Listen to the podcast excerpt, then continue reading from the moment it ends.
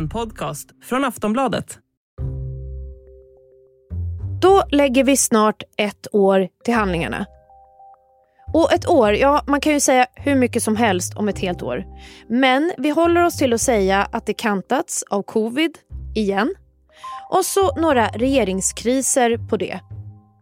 Och just covid, ja det tog ju inte slut i år heller.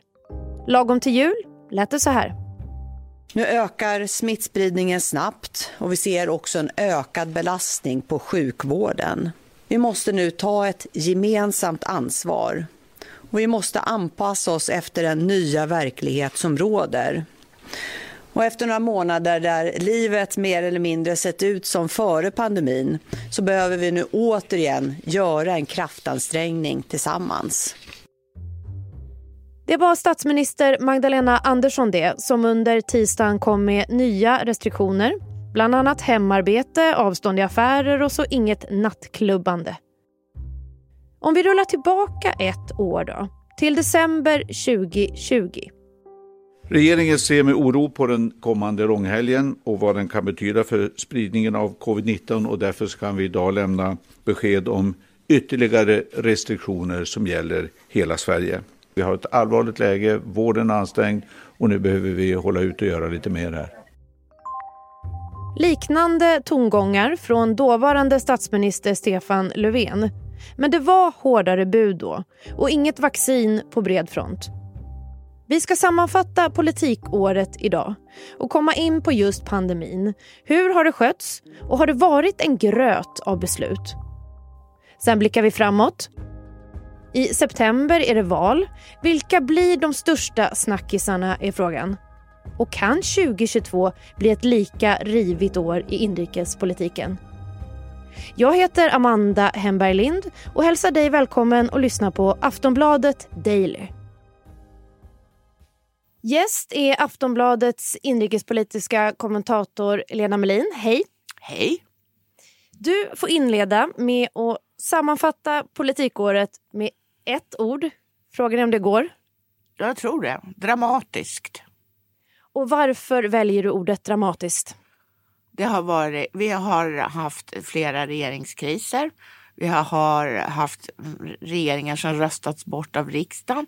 Vi har en statsminister som har avgått mitt under brinnande eh, mandatperiod. Vi har valt, riksdagen har valt en ny efter vissa svårigheter. Alltså det, är väl, det har varit väldigt många dramatiska punkter och ovanpå det har vi haft själva pandemin som i sig är dramatisk.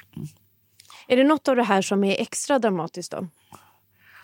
Jag tycker att den här regeringskrisen i somras var, var väldigt onödigt dramatisk därför att jag förstod egentligen inte vad den handlade om utom att någon ville visa framfötterna. Men, eh, men det är klart att en statsminister som avgår mm, mitt, in, eller mitt i, var det inte i slutet av en mandatperiod, det är ju väldigt, väldigt ovanligt. Att prata corona är ju ofrånkomligt. Om vi börjar i närtid så presenterades ju nya restriktioner häromdagen. Väldigt tätt in på julen får man säga. Många är frustrerade, till exempel kulturinstitutioner. Hur tycker du att det här är skött av eh, regeringen? Jag tycker väl att det i huvudsak har varit ganska bra. De flaggade redan i början av december att det skulle komma eh, nya restriktioner. Sen har de blivit mer omfattande än man kunde ana då och det, har ju, det beror ju på smittoläget som har utvecklat sig mer negativt än någon kunde tro bara för några veckor sedan. Och därför måste ju då regeringen och Folkhälsomyndigheten trappa upp så att säga kriget mot viruset. Även om de säkert inte tyckte det var så kul att komma med de där beskeden precis före jul. Men generellt då under pandemins ja, två år nu då. Hur har eh, det hela hanterats eh, från politikerhållet? Jag tycker att man måste... Det, pandemin har ju två sidor kan man säga. Dels är det ju själva sjukdomen och hälsoläget och risken för att människor dör i förtid. Och eh, sen har vi den andra eh, sidan av det hela, nämligen de ekonomiska effekterna av det hela. Mm. Och jag tycker att den sittande regeringen, eller förlåt, den, den förra regeringen är väl snarare, alltså den under Stefan Löfven, eh, har hanterat den här ekonomiska sidan av pandemin på ett alldeles utmärkt sätt. Det har ju varit mindre bra på, den, på själva hälsosidan om jag säger så. Där har det bland annat varit viss gnissel mellan regeringen och Sveriges kommuner och regioner som bland annat lett till att testningen kom igång alldeles för sent. Sen hade ju regeringen en alldeles för lättsinnig inställning till hur lätt det skulle vara att vaccinera alla människor i Sverige. Då sa jag att det, det skulle vara klart veckan efter midsommar. Då skulle varenda människa vara fullproppad med två doser. Uh, nu är det ju så att det är fortfarande bara 80 procent som, uh, som är fullvaccinerade. Men då har ju också andelen personer som ska vaccineras ökat under tiden. Nu, nu är det ju redan från 12 år och då var det från 18.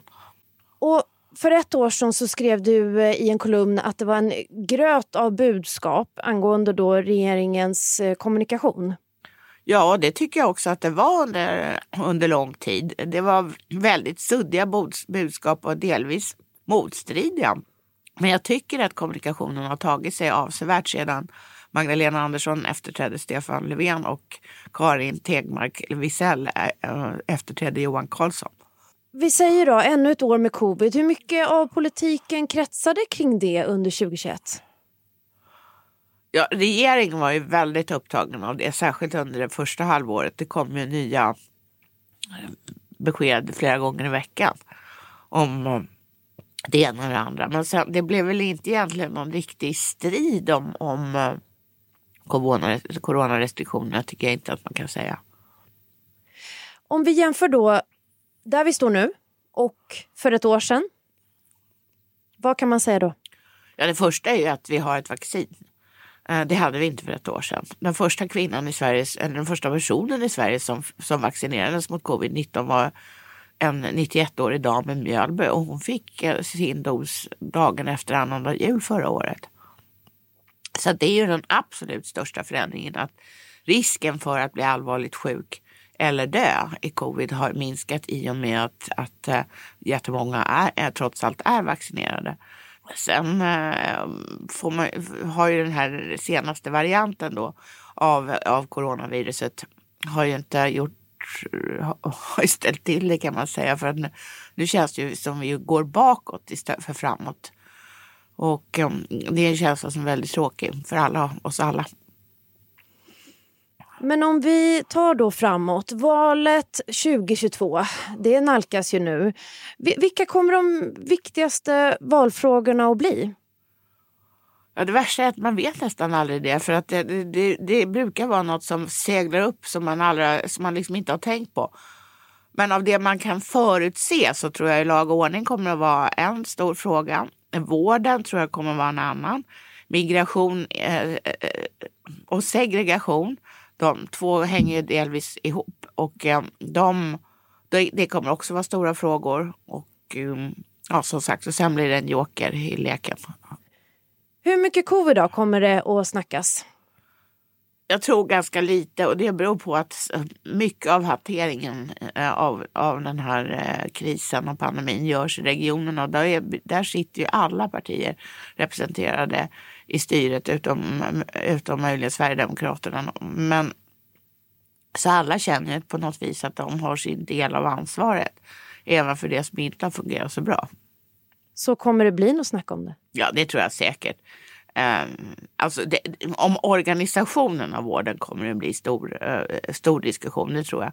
Och det handlar både då om äldreomsorgen som ju visar sig vara eh, illa organiserad och illa bemannad eh, under covidkrisen. Och det var ju en lärdom som förskräckte många eftersom det var så faktiskt urdåligt ställt på sina håll.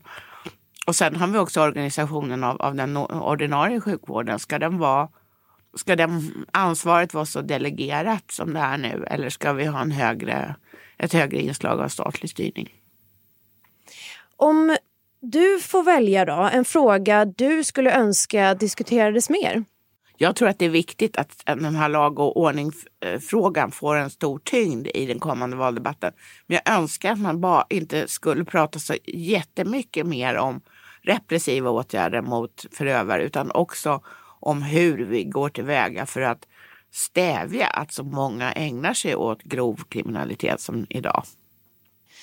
Och vad hoppas du då om året som kommer? Ja, jag hoppas ju att eh, valåret 2022 blir superdramatiskt, spännande och så folk ligger raklånga och följer med debatten. Det får vi hoppas på. Tack så mycket Lena Melin, inrikespolitisk kommentator här på Aftonbladet för att du ville vara med. Tack så mycket. Och jag som pratar nu heter Amanda Hemberg Lind och jag vill passa på att önska dig en god jul och ett gott nytt år. För nu tar Aftonbladet Daily lite ledigt och är tillbaka i januari igen. Tack för att du lyssnar på oss. På återhörande, hej då. Du har lyssnat på en podcast från Aftonbladet. Ansvarig utgivare är Lena K Samuelsson.